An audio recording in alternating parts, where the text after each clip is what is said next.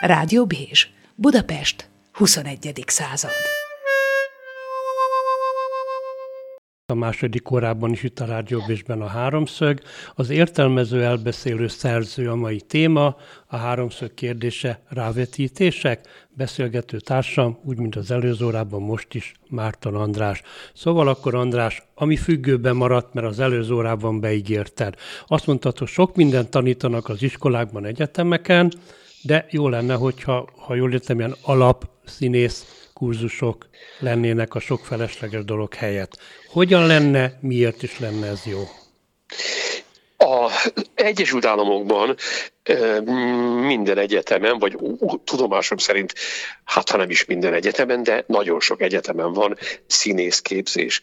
És nagyon sok ember szükségét érzi annak, aki mondjuk mérnöknek készül, vagy ügyvédnek, hát azokról nem is beszélve, azok feltétlenül hogy felvesznek egy színész mesterségképzést, mint, mint kiegészítő tantárgyat.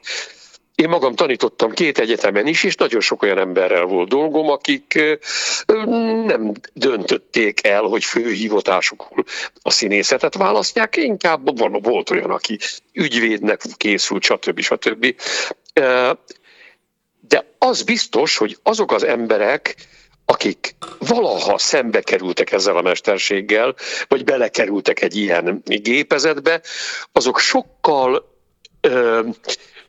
ö, sokkal, hogy is mondjam csak, sokkal mélyebben látják saját magukat, a saját helyzetüket az életben, a saját lehetőségeiket, a, utálom ezt a szót, hogy kommunikáció, de hát mindenképpen ki kell mondani, tehát a más emberekkel való érintkezésben, ö, ö, interakciókban, és amit mondtam, hogy tulajdonképpen kilépni a komfortzónánkból az egy sport a, vagy fájdal, sportolni is nagyon fárasztó tud lenni. Ugye, amikor az ember már két órája fut, hát az borzalmas. Uh-huh. Egy óra is borzalmas. De a végén azt mondja az ember, valamiért neki ez megérte, mert nagyon jó utána állni az zuhany alatt is, azt mondani, hogy most mit tudom én három perc, mit tudom én mennyi idő alatt, két óra alatt lefutottam, a fele tudja mennyit, nem tudom mennyit kell két óra alatt uh-huh. lefutni. Én, én a teniszben, a teniszt tudnám mondani, két óra alatt mennyit teniszezek. Szóval, hogy valamiért az nagyon jó. A komfortzónából való kilépés, a saját taktikai eszköztárom megtanulása, fejlesztése, szélesítése, amiről az előző órában beszélgettünk, hogy, hogy hogyan, hogyan van bátorságom kiállni az egyik taktikai elképzelésből, és átállni a másikra, mert a célom azt követeli, mert az a taktika, amit e, e, elképzeltem, az nem működik tovább. Nincs értelme tovább hízelegni valakinek, amikor láthatóan nem hat. Akkor kell előhúzni a másik kártyát. Ugye az ember alapvetően ezt a kettőt tudja. Semmi más nem tud. Uh-huh. Csábítani és fenyegetni. Ezt a kettőt viszont, ennek a kettőnek olyan hallatlanul széles és gazdag a, a megvalósítási módja, ahány ember, annyi féleképpen, annyi tekintet, annyi, annyi nézés, annyi, uh, annyi testbeszéd, annyi metakommunikációs uh, uh, megjelenés, hogy ezeket kell fejlesztenünk ahhoz, hogy az életben remekül érezzük magunkat, mert ez egy jó játék, rem, merjünk kilépni a komfortzónánkból, mert nem adunk fel semmit, legfeljebb egy kicsit fáradtságosabb, és az elért eredmény az felmérhetetlenül nagyobb, mint annak az embernek a várható eredménye, aki ugyanabban a taktikai rendszerben, ugyanabban a ugyanabban az alapelképzelésben éli végig az életét, ő valószínűleg egy, egy jó, egy, hogy mondjam, egy időben elhatározta, hogy ő nem kíván más lenni. És nem is foglalkozik azzal, hogy mi lett volna, ha ő más. Vagy ha foglalkozik, úgy foglalkozik vele, hogy ez már, ez már mese, ez már nem történhet meg.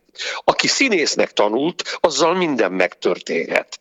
Az, azelőtt ilyen természetű lehetetlenség nincs. Tehát aki jó színész, és ismeri magát, és tudja a képességeit, az egyre több helyzetben fogja magát biztonságosan jól érezni ha, ha, ha jók, a, jók a taktikái, jók, a, jók az elvá, a mondatai nem üresek, elvárás van minden mondat mögött, ha a céljai, az elérendő céljai nagyon is ösztönösek, hogy mondjam, nagyon kézzel foghatóak, nagyon primitív célok. Tehát amit az elébb mondtam, hogy szeressen, utáljon, rettegjen, zokogjon, álljon fel a szőr a hátán. Tehát, hogy ezek a nagyon, nagyon primőr, ösztöni célok, és nem, nem a tessék engem megérteni, mert az nem visz sehova. Ezek visznek valahova. Szeressen belém, most rögtön szeressen belém, és el fogom tudni neki adni a fogpasztát. Igen, Tehát, igazad a... van, csak ugye itt az lehet a hangsúly, ha jól értelek, hogy egy dolog, hogy én elképzelem, hogy én ezt zsigerből szeretném, de ez kevés, mert ezt nekem tudatosan kell eszköztárral mozgósítani. Igen. Igen, igen, igen, igen. Tehát, hogyha az ember végigveszi, hogy hogy tudnék egy, ugye az elébb mondtam, hogy tudnék megijeszteni valakit. Ha végig gondolom, végig gondolok egy személyre, és elgondolom, hogy egy olyan helyzetet teremtek, amikor én megfagyasztom a vért az ereiben egy kávéházi asztal mellett. Hogy ezt milyen hangon fogom tenni hogy fogok ránézni? Honnan fogok, miből váltok, mibe? Tehát mindig a fordulat az érdekes, mindig a, az érdekes, ha valaki sír. De sokkal érdekesebb, ha valaki nevet, és hirtelen sírni kezd. Uh-huh. Ez sokkal érdekesebb, ugye? Tehát ez minden úgynevezett váltásnak mindig ezek a kulminációs pontok, ezek a színészmesterség legizgalmasabb pillanatai, legklasszabb pillanatai, és az életünk legklasszabb pillanatai. Vígjátékban pedig hát elengedhetetlen, hogy az ember a, a spét reakciók, hogy, hogy rosszkor, vá, rosszkor fogom fel, rosszkor váltok, Ugye hát ez rengeteg ö, ö, ö, mulatságos helyzetnek a, a, a, az alapja hogy valamit késve értek, meg késve fogom fel, hogy itt most nem az a helyzet, hanem amaz a helyzet. De most visszatérve még erre, a, a, hogy miért kéne színészetet tanulni. Például senkit soha, sehol nem tanítanak arra, hogy hogyan kell figyelni. Uh-huh milyen módon kell valakit megfigyelnem, megértenem, átélnem. Ha ezt tudom, akkor nem fogok az életben tök értetlenül ö, szembe kerülni olyan ö, oktalan, tragikus pillanatokkal, amelyek egyébként a polgári életünk mindennapjaiban százszor előfordul. Bemegyek a pénztár, bemegyek egy boltba, és a pénztáros úgy szól nekem vissza. Miért? Hát megbántottam én őt, de hogy bántottam. Ő neki rossz napja van. Ha jól meg tudom érteni azt a szemét, tudok vele valami fajta minimális kapcsolatot teremteni, ezek, az, ezek a egy olyan szinten tudok vele kapcsolatot teremteni, hogy megértem az ő pillanatnyi állapotát, felfogom, és nem akarom provokálni, akkor nem fogom provokálni, és simán túlmentünk rajta. A, a figyelés az egy, az egy nagyon komoly tudomány. Én a növendékeimnek szoktam tanítani egy nagyon egyszerű ö, kis sorozatot. Ebb, ennek az a lényege, hogy az ember először is vizuálisan ismerkedik azzal, aki. Ugye, tehát megné, bejön valaki a szobába egy ismeretlen ember. Rögtön ránézek, felfogom a tömegét, a nagyságát, és valamilyen sugárzást megérzek belőle.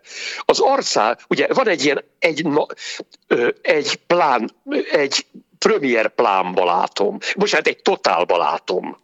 Majd ráközelítek az arcára, és egy, egy premier plánt látok az arcáról. Aztán megint behelyezem ezt az egészet a nagyba.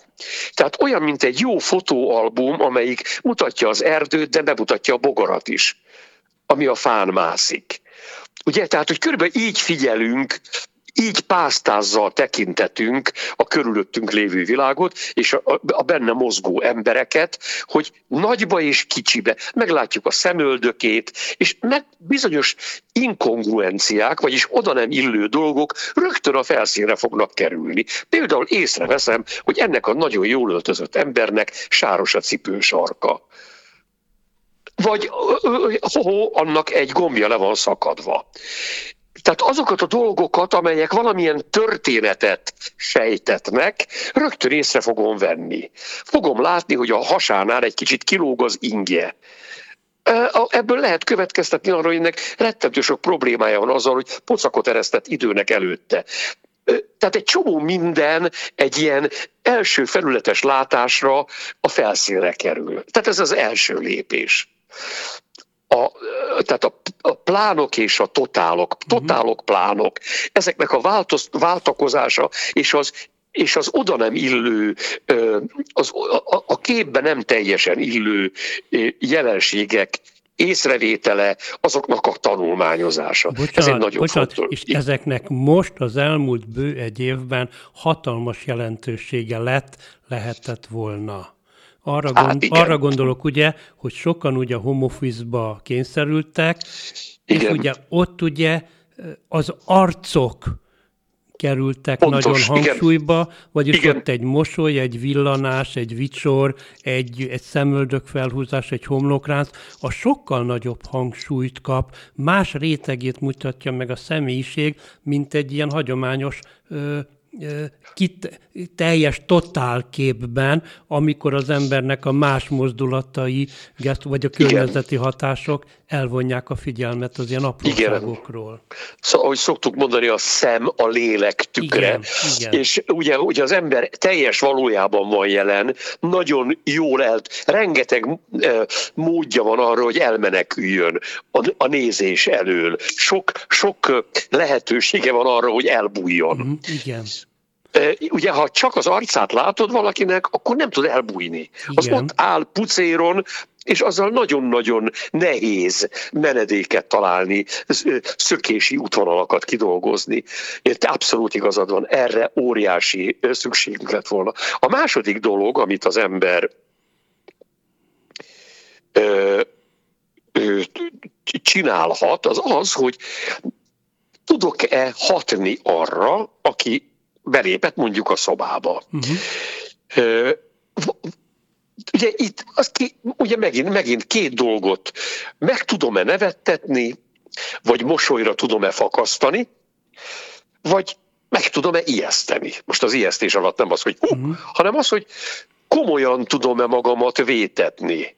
Tud-e, tud-e tőlem tartani. Fajsúlyosnak tudom-e magamat mutatni előtte, vagy neki, uh-huh. ennek adja-e valamilyen jelét?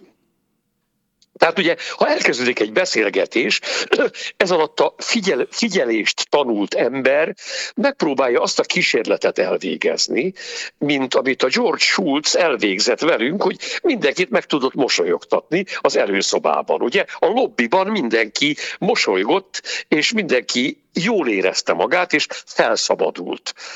De bent a tárgyalóba úgy megdermesztette a levegőt, ahogy csak nagyon kevés ember képes rá. Tehát, hogyha ezt a kettőt tudjuk, akkor már is van egy viszonyunk ahhoz az emberhez. Van egy történetünk vele. Már végigutaztunk valamin. Erre nagyon fontos, ugye leszoktuk becsülni mindig ezt a angolban úgy mondják, hogy small talk, ugye? Amikor az ember hülyeségekről beszél. Olyan semmi dolgokról beszél. Ez az angol száz mindennapi élet töké, nagyon fontos velejárója, hogy megbeszéljük, hogy milyen az idő. Ugye az időjárás, hát ez viccelődni is szoktak vele, de itt is ugye, ha össze, egy társaságban összejön két ember, hát úgy kezdődik a szaglászás, hogy elkezdünk semmit mondó dolgokról beszélni. Na most ezek a legalkalmasabb, mint diplomata, nekem nagyon uh, nagy terep volt ez, én ezt nagyon hamar megtanultam, talán pont attól, mert színész vagyok, hogy hogy lehet ezt a, ezt a small talk periódust, a beszélgetésnek ezt a semmit mondó részét arra felhasználni, hogy lássam, hogy milyen fegyvertára van. Uh-huh. Ha ezt tudatosan és jól használom, nem fog az a fiaskó érni, hogy amikor a lényegi dolog, amikor a találatot be akarom, be fogom vinni, uh-huh. ugye, akkor ő hirtelen meglep engem egy olyan fegyverrel, amiről eddig nem tudtam. Tehát ha látom azt, hogy ez egy alapvetően kedélyes ember, aki semmitől nem fél jobban, mint attól, ha őt a sarokba szorítják és megfenyegetik. Értem, megvan, megvan, itt van nálam a fegyver. Ha arra kerül a sor, nem fogok habozni, a sarokba szorítani és megfenyegetni. Majd megbocsátok neki, ugye? Szóval, hogy nagy, nagy lelkűen elengel, futni hagyom. Tehát, hogy egy ilyen, egy ilyen társasági életbe ágyazott információgyűjtés, vagy ö, diplomáciai beszélgetés, az erről szól, annak ez a lényege. Ugye, tehát, hogy, hogy találkoztam X-el, Y-nal, Z-vel, ez ezt mondta, az azt mondta, az amazt mondta, ez így vélekedett, ez úgy vélekedett. Ha nem jutunk el a small talk-tól egy érdemi beszélgetésig, akkor erről nem fogok tudni táviratot írni a külügyminisztériumba. Tehát el kell jutni addig a pontig, amikor én megkérdezem tőle, hogy és te mit gondolsz, vagy a te kormányod mit gondol erről vagy arról. Uh-huh. Ehhez ezt továbbá ezt nem lehet, nem lehet a kérdést úgy feltenni, hogy nem előzi meg egy ilyen kis smúzolás, ami, ami, ami ami, ami mondom, a fegyverek megmutatása. Ha mhm. megmutattuk, és elértük azt a pontot, amikor őszintén meg fogja mondani, amiből én nagyon sokat fogok tanulni, és a miniszterem is sokat fog tanulni belőle. Hát igen, ezt a pszichológiát úgynevezett szociális fázisnak nevezi, ugye, hogy mielőtt igen. belemennénk a tartalmi lényekbe, előtte egy kicsikét, ahogy szokták, a kutyák, ahogy körbeszimatolják egymást. Igen, pontosan ez történik, és ez egy, mm. Szoktuk mondani erről, hogy ez micsoda ostobaság és micsoda marhaság. Ez nem az, ez, ez egy rendkívül fontos tartozéka, és, és ez, ez is a, a figyelem a, a, a kulcs szó. Van aztán a figyelemnek egy harmadik, és talán még mélyebb dimenziója, az pedig nem más, mint az, hogy tanulmányozol egy arcot, egy embert, egy alakot az előbb leírt módon, kicsiben, nagyban, beszélgetés közben, hogyan tudsz ráhatni, hogyan nem tudsz ráhatni, miért nem tudsz ráhatni, és a következő dimenzió vagy fázis az, amikor elképzeled ezt az embert öt évesnek. Milyen lehetett ez kisgyerekkorában ez az ember? Milyen lehetett, lehetett a George Schultz eh, előgombolós nadrágba? Milyen helyes kis kölyök lehetett.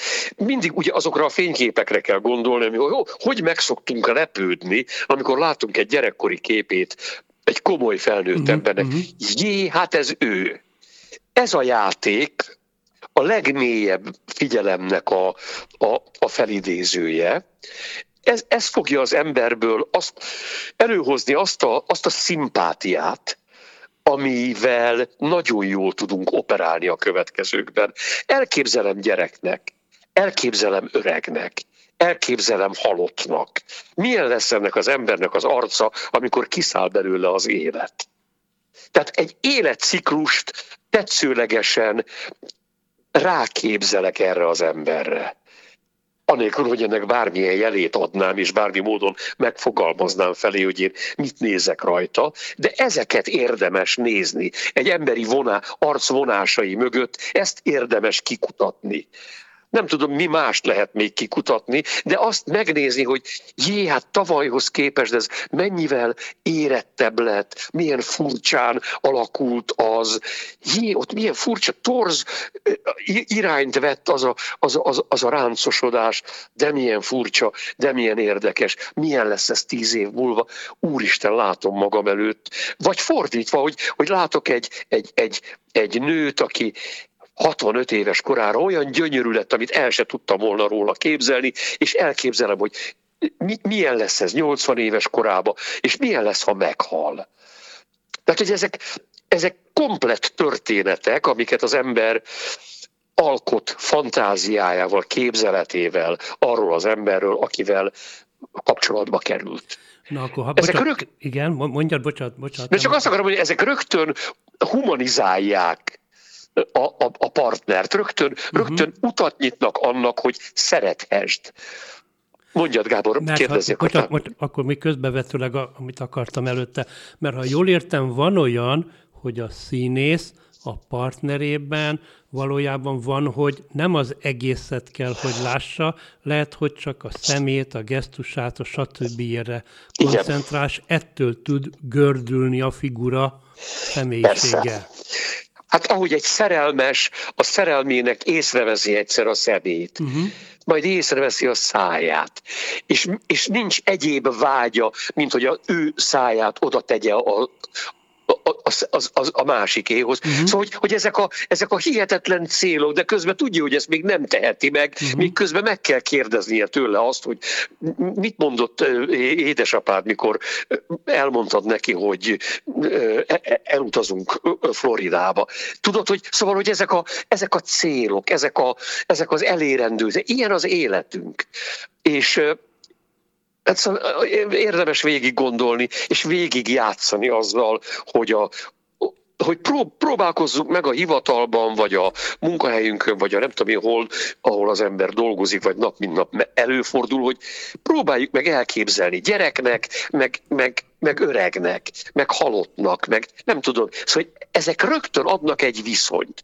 Ez nagyon érdekes, hogy, hogy Magyarországon általában ugye bemegyünk mondjuk egy orvosi rendelőbe, vagy egy, egy ilyen várószobába, oda leülünk, és látjuk ezt a sok embert, aki ott ül ingerülten, és olyan türelmetlenül, és ha kijön az asszisztens, akkor mindenki felugrik, és odaszalad az ő papírjával, és ott mindenki tolakszik, és az egészben van valami ilyen, ilyen utálatos, és az ember azt a kérdést teszi fel magába, hogy mit keresek én itt ezek között a nyomorult gazember, nyugdíjasok között. Miközben hát én is egy nyomorult gazember, nyugdíjas vagyok, és hát én is itt ülök. Amerikában ezt úgy tanítják az iskolában, hogy az lesz a végeredmény, hogy nézem az embereket, és azt mondom, jé, hogy ennek milyen érdekes szemöldöke van.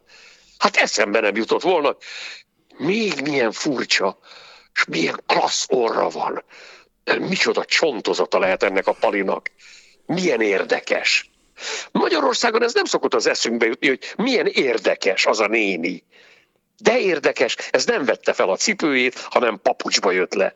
Uh-huh. Milyen furcsa, fáj a lába, biztos be van dagadva a lába. Tehát, hogy nem azzal foglalkozunk, ami érdekes, uh-huh. hanem azzal, ami undor, ami elhatárolódás, elidegenedés, olyan üdítő, amikor az ember a hivatalban egy nyílt arcot lát, és egy nyílt arccal rögtön az mindjárt meghívja az embert, hogy fantáziáljon róla. Jaj, de érdekes, ez 60 éves nő, ez 20 éves korában milyen gyönyörű lehetett és most is milyen szép, és jaj de jó vele be, jaj de jó vele beszélni. Jé de furcsa, nem ilyen hangot vártam tőle. Azt gondoltam, hogy sokkal vékonyabb a hangja. Érted? Tehát, hogy ezek a játékok hozzák teszik kontextusba azt, ahogyan élünk, ahogyan interakcióba kerülünk a világgal.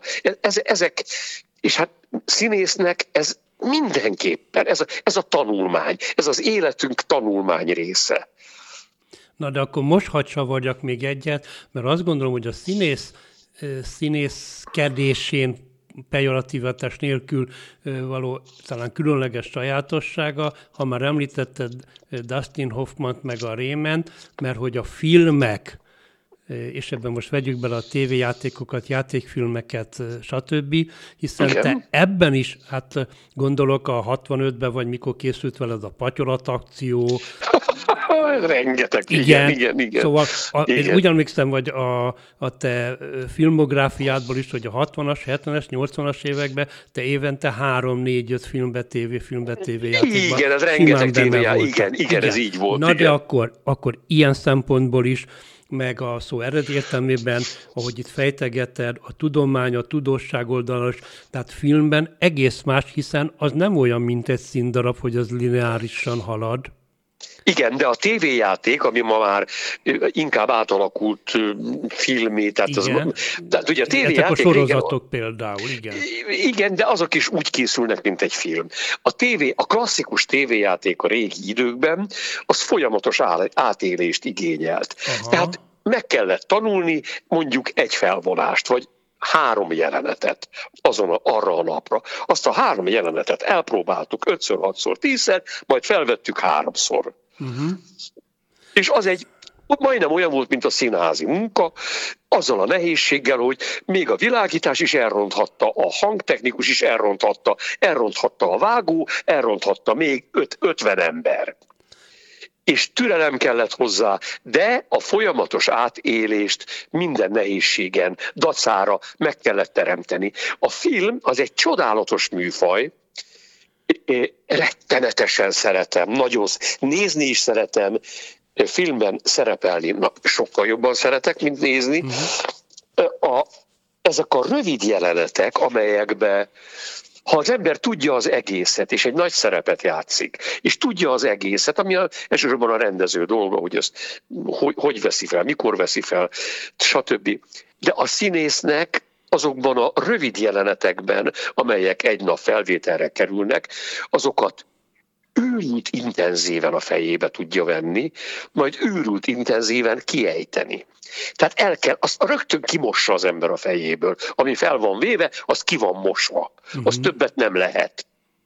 Uh-huh. Ez egy különös védekező mechanizmus az ember agyának, tehát olyan intenzív élet van egy rendes drámai film forgatása közben, amihez színházban talán soha nem lehet előidézni. Mert egy rövid, sistergő jelenetet nem előz meg egy fárasztó első felvonás, uh-huh és nincs hátra még egy harmadik felvonás, hanem megcsinálod, kiejted, jöhet a következő.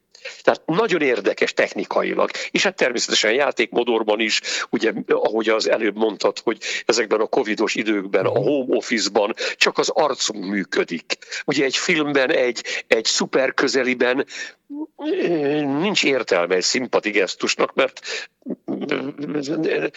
nem látszik, ugye? Tehát, hogy egy szuper közeliben egy, egy, egy nézésnek van értelme és drámai súlya. Még visszatérve egy pillanatra ahhoz, hogy, hogy az említetted, vagy beszéltél róla, de nem mentünk ebbe bele, hogy mi az, hogy színész és szerepet játszó színész. Igen. Ugye, hogy ez egy, ez egy nagyon fontos metamorfózis. Uh-huh. De az életben is, ugye nagyon fontos, tehát én ezt szoktam így management tréningeken tanítani, ami egy nagyon, nagyon jó dolog, ha az ember megérti, mert felfegyverzi magát felesleges atrocitások ellen. Ez pedig nem más, mint az a színházi példa, hogyha én megyek az utcán, a katona, vagy a Margit körúton, és megyek az utcán, akkor én egy, egy színész vagyok, aki megy az utcán. Egy színész, vagy egy, egy ember, egy, egy magánember, Igen. ugye. Belépek a Víg Színház portáján, azt mondja a portás, hogy jó napot, művész úr. Attól a perctől fogva, hogy átléptem a küszöböt, én egy színész vagyok, aki abban a színházban, abban az épületben dolgozik. Beülök a társalgóba, beszélgetek ezzel, azzal, amazzal, olyan kérdésekről, amely engem, mint életemnek a színészetével van valamilyen módon kapcsolatban, vagy kapcsolatban hozható, beszélgetünk, majd szól az ügyelő, hogy Márton András művészurat kérjük a színpadra. Bemegyek a színpadra, abban a pillanatban akcióba kerültem, akcióban lévő színész lettem. Mesterségét gyakorló színész mm. lettem. A kolléganőm mondjuk szerepe szerint fel kell, hogy pofozzon. Odalép hozzám a próba alatt, odalép hozzám, és puff, lekever egy hatalmas pofont. Nekem a következő futát az agyamon, ez jó nagy pofon volt, technikailag csinálhatna egy kicsit jobban, de bátor színésznő, tehetséges, átélt volt, jól, jól felpofozott, ügyes, klassz. Meg vagyok vele elégedve. És ez mindegy röpke pillanat alatt fut át rajta. Igen, majd kimegyek a színpadról, a mhm. jelenetnek vége van, a társalgóba beszélgetek még, mint színész, kimegyek és magánemberként hazamegyek. Na most, ha én sétálok a Szent István, nem Margit, hanem Szent István körút, bocsánat, uh-huh. sétálok a Szent István körúton, ugyanez a színésznő jön velem az utcán, szembe, megáll, és puff, lekever egy nagy pofont. Ugyanakkor a pofont, ugyanaz az ember, ugyanannak az embernek. Tehát egész más fogalmam, kontextus, igen. Fogalmam nincs, hogy miért, uh-huh. eszembe nem jut elgondolni, hogy milyen jó színésznő, és milyen tehetséges, hanem azon gondolkodom, és rágom magam, hogy vajon mit vétettem ez ellen, és jóvá tehet. Hol, hol a baj? Uh-huh. Ugye? Tehát ha én egy Tesco-ban pénztáros vagyok, és valaki odajön és elkezd velem kellemetlen hangon beszélni, akkor azt a legnagyobb hiba, ha én személyesre veszem. Az nem nekem szól, az a szerepemnek szól, hogy tudnék én Tesco pénztáros szerepem, szerepet élek ebben a pillanatban. Oda kell, és velem szerepem szerint veszekedni szoktak. El kell gondolkodni rajta, hogy ez jól, vesz, jól veszekszik, jól veszekszik, artikulátlan mondatokat mond, tajtégzik valamiért, tudom a megoldást, fel kell hívni a, a, a, az ellenőrt, fel kell hívni a főnököt, vagy nem tudom ki a túrót, megvan ennek a protokollja. De ha én ezt személyesre veszem, mintha az utcán veszekedne velem valaki látszólag ok nélkül, akkor bele fogok halni. Holnap után felkötöm magam otthon, hogy velem mindenki veszekszik. Tehát ha ezt a mechanizmust, ezt a három lépcsőt az ember jól tudja alkalmazni, akkor az életét megoldotta. Az életének azt a részét megoldotta, hogy nem olyan, azok az atrocitások, amelyek nem személy szerint nekem szólnak, azokat remekül helyre tudja tenni.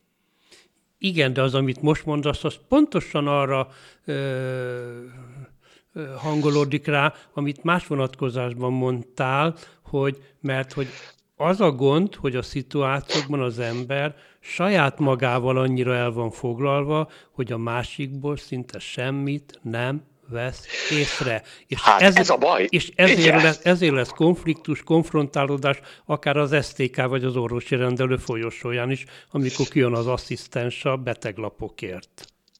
Így van.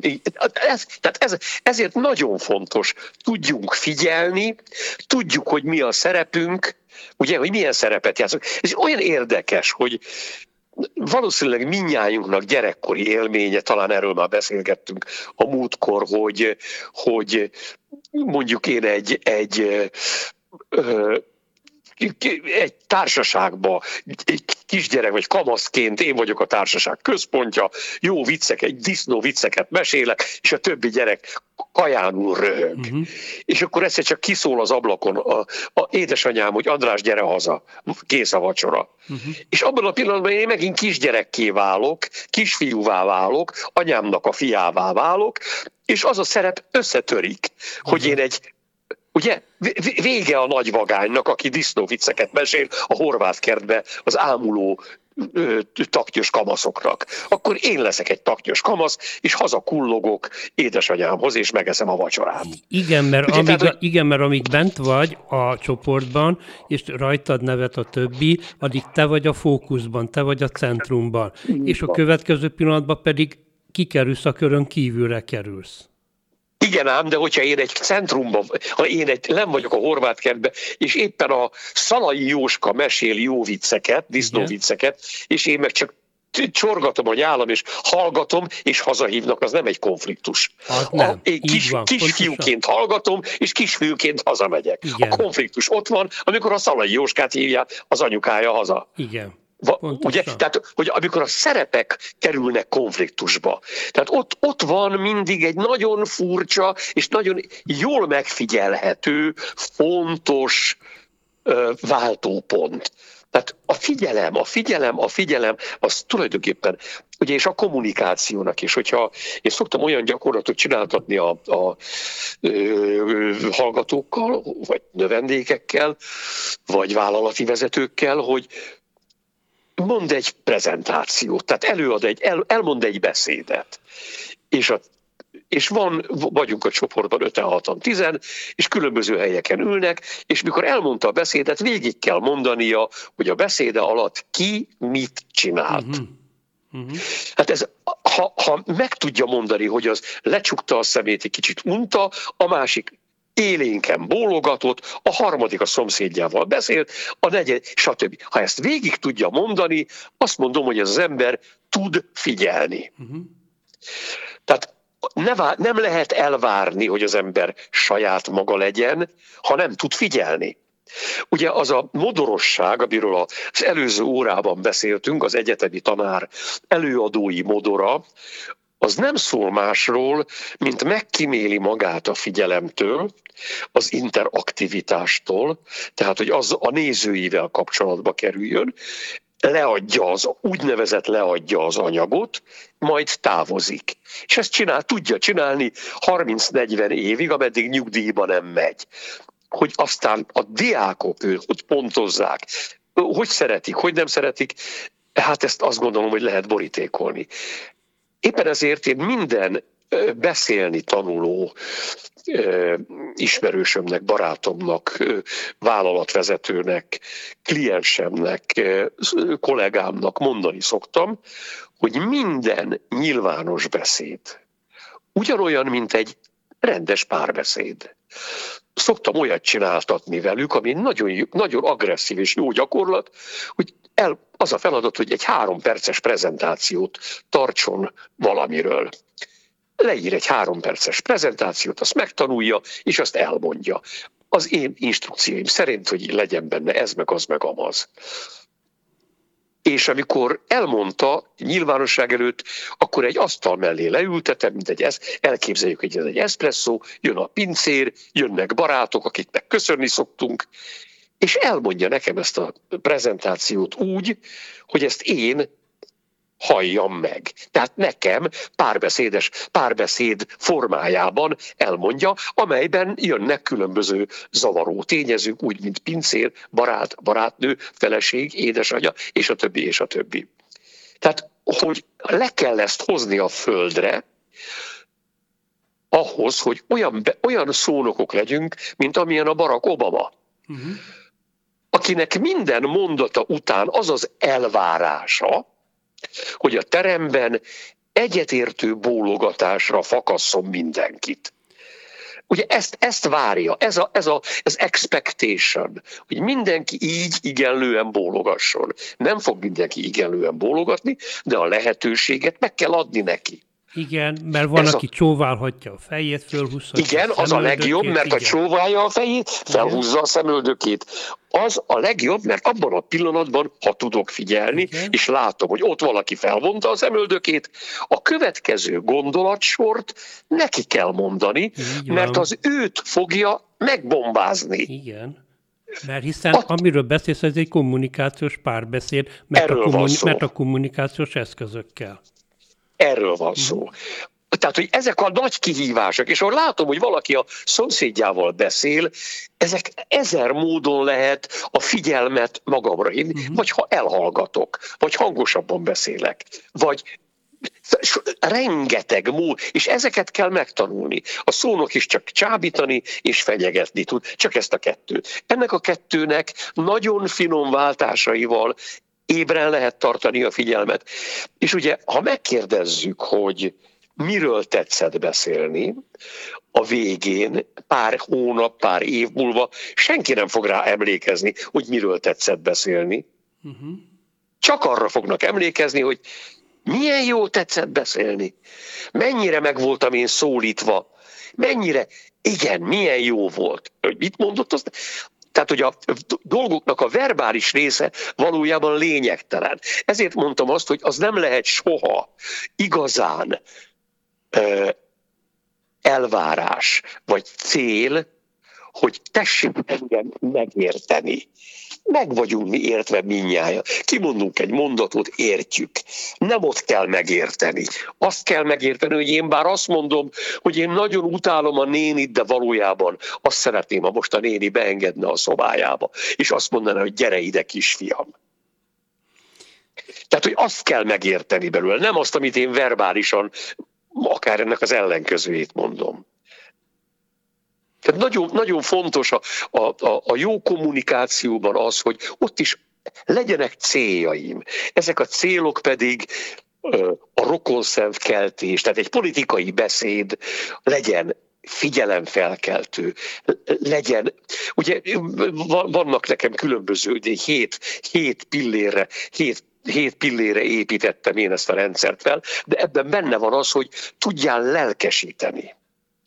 Tehát az a szónok, aki, aki nem tud lelkesíteni, az, az nem szónok. Ugye, tehát az, hogy legyen benne valami, amitől a hallgató azt mondja, hely, de igaz, de szeretnék én. Menjünk ki az utcára, bontsunk zászlót. Uh-huh. Szóval az, az a jó szónok, aki, aki tud pátosszal szólni valamiről akinek nem csak a gúny, nem csak az ostorozás, nem csak a kritika, hanem a, hanem a hűha, igen, menj, me, mennék vele.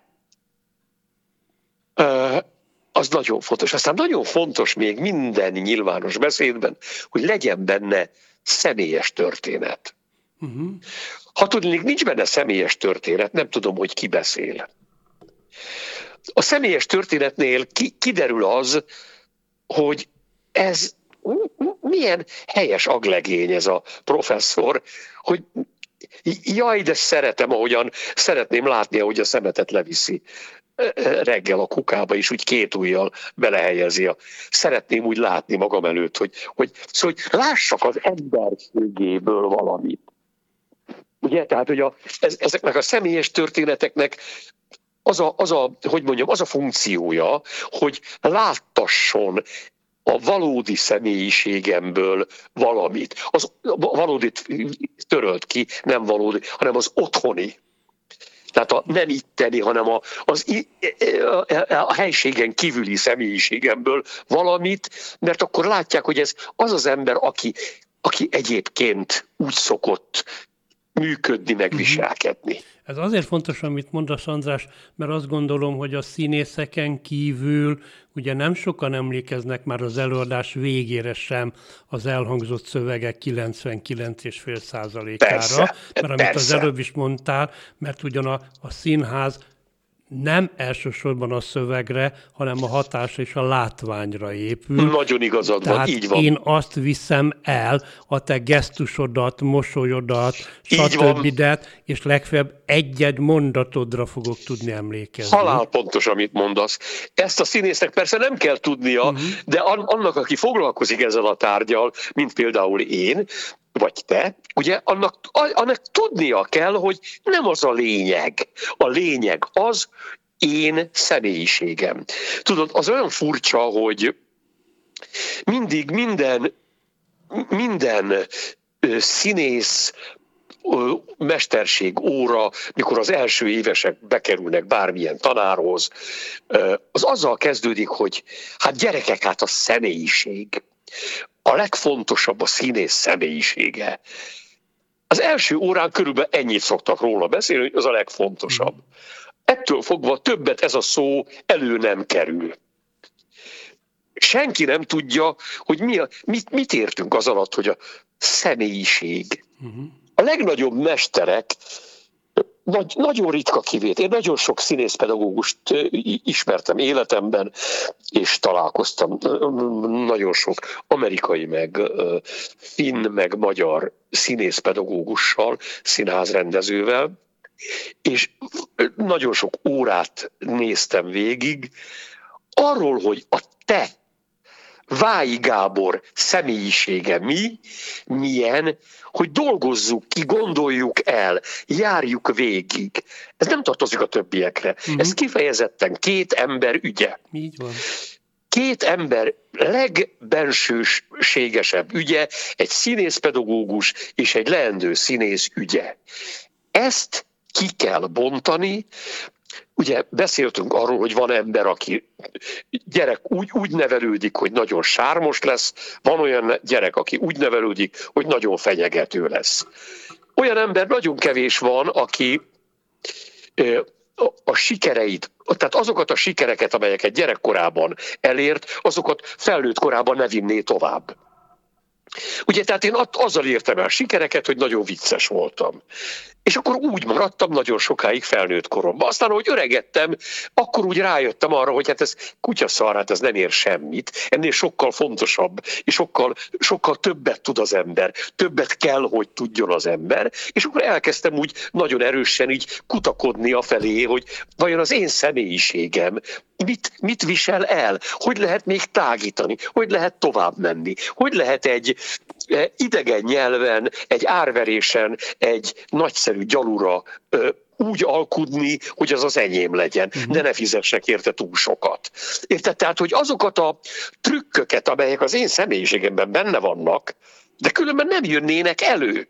Tehát a legszélesebb skálán lehet mérni ezeket a, ezeket a ö, hatásokat, amelyeket az ember személyisége ki tud váltani.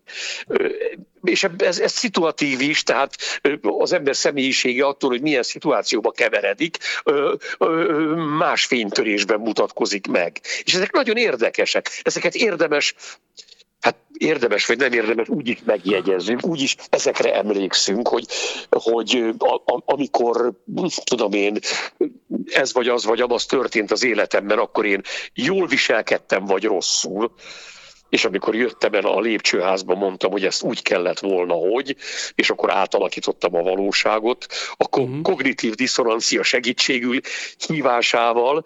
E, tehát, hogy ezeket az elemzéseket ne ússzuk meg, elemezzük, derüljön ki, hogy tudok hatni a másikra. Ez, ez, amikor a figyelemnek erről a dimenziójáról beszélgettünk az imént, hogy ez állati fontos. Állati fontos, hogy belefér az én személyiségemben be az, hogy egyenesen két lábon állva tudok nemet mondani valakinek, vagy mosolyogva tudok nemet. Én voltam főnök. Aki nem volt főnök, az nem tudja, milyen gyötrelmesen nehéz egy beosztottnak nemet mondani. Bocsát, meg voltál te Finnországban asztalos is. Igen, az volt a, leg, az volt a legjobb. Mert ott nem volt se beosztott, se főnök, Igen. ott volt megrendelő, és voltam én. Hát az, az, az, egy, csodálat, az egy csodálatos életem legboldogabb periódusa őszintén, de ott is nagyon, nagyon sok mindent meg kell tanulni, mármint az emberi kommunikációban. Ezt akarom mondani, mert szerintem amikor te asztaloskodtál éppen, akkor is ugyanígy elemzésként járt az agyad. Abszolút. Uh-huh. Persze, és ez egy nagyon nagy mulatság, nagyon, nagyon érdekes nézni azt, hogy amit én csinálok, vagy ahogy én dolgozom, én nagyon szeretem szétszórni a dolgaimat, ellentétben egy igazi jó mester, aki mindig a kalapácsot mindig ugyanoda teszi, a gyanút mindig úgy rakja le, és a többi, és a többi. Én általában arra gondolok, hogy most itt kalapácsoltam a itt, itt, itt szögeltem, itt vannak a szögek, a kalapácsot ott hagyom. Ott hagyom, ahol majd valószínűleg legközelebb is fogok. A szorostokot ott hagytam, mert ott mértem, és valószínűleg onnan kell tovább menni. Valaki belép ezt a rendszert nem érti meg. Uh-huh. Mert az azt érti, hogy minden, mindig minden ugyanazon a helyen van, és amikor mérni kell, akkor oda megyek a szorostokhoz, leakasztom a szögről, oda megyek, megmérem, felírom, visszateszem, felakasztom. Tehát én ilyen látszólag rendkívül rendetlenül dolgozom, de én nekem Nekem ez a személyiség. De ebből a személyiségre nézve nagyon fontos ö, tulajdonságokat lehet megállapítani. Ugye, itt, tehát, hogy van ember, aki a, a, a, a tenisz lab, teniszlabda tréner, aki a teniszlabdákat a kosárról úgy szedi fel, hogy elmegy az egyik sarokba, és amíg a sarokba lévő labdákat fel nem szedi, addig nem megy arrébb. Aztán van olyan, aki elkezd körözni, elkezd há- felszedi a fal mellől, megy elől, megy hátra, megy, mint csigavonalba szedi fel. Tehát, ezek, és ezek össz nem tanult dolgok, vagy biztos tanultak, nem tudom, de tehát nem biztos, hogy kognitív történettel állunk szembe. Ezek valahogy a személyisége olyan, hogy úgy kapkodva megy a labdákhoz, vagy szisztematikusan megy a labdákhoz, és szedi be a kosárba. Hogy ez mit jelent, nem tudom pontosan, de valamit jelent. Uh-huh. Minden esetre rendkívül érdekes megfigyelni. Hát ez az, mert ha az ember tovább lát a saját pillanatnyi érdekein, vagy fordítva azt gondolom, hogy akkor képvisel a saját érdekeit, ha, jobb, ha távolabb lát az óránál. Igen, igen, igen, igen. Amiről igen. beszéltem a hosszan. És ez egy mulatságos, igen. nagyon mulatságos, rendkívül mulatságos dolog, és hogyha ha azt látom én, hogy aki jól ír, az, tehát ha én olvasok egy regényt, akkor én nagyon sokat olvastam most a Covid alatt, rengeteget, és olyan írókat fedeztem fel, akiket eddig nem ismertem, és hát szóval csodálatos, csodálatos világokba cseppentem bele, és azt láttam, hogy aki jól ír, az pontosan ilyen megfigyelésekre uh-huh. alapozza uh-huh. a karakterábrázolását. Uh-huh. Hogy például hogyan szedi fel a labdát a teniszpályán. És ezekre a fantáziájából felépít egy, egy, felépít egy jelenetet felépít valami, ez, ez, ez csodálatos dolgok, van a, ö, ö, azt, vagy Christopher Marlowe, vagy... Egy percünk ö, van, lassan kell lekerekíteni. Jaj, akkor nem, nem, nem is mondom, nem, nem be, belementem volna. Van-e kedved, um, előre csalogatlak, van-e kedved júniusban, engem nagyon érdekelnek ezek az alkotás lélektani kommunikációs beszélgetések veled, van-e kedved időt, persze nem tudod még, hogyan lesznek a színház, stb., hogy júniusban ezt egy harmadik menetben is Hát Gábor, hát nagyon boldogan veled bármikor, bármelyik, mert nekem is olyan jól esik ezeket a dolgokat elmondani valakinek, tanítványok hiány most, és nagyon, nagyon örülök, ez nekem is egy nagyon fontos summázat, és olyan, olyan szóval olyan jó, jól vezetett, hogy olyan jó rákérdezel. Nagyon meg hát ez a híd és a zsilip, ez, a hidat és a zsilipet meg külön köszönöm neked, mert ez Használd rendkívül, rendkívül tiszta képlet. Rádió Bézs, Budapest, 21. század.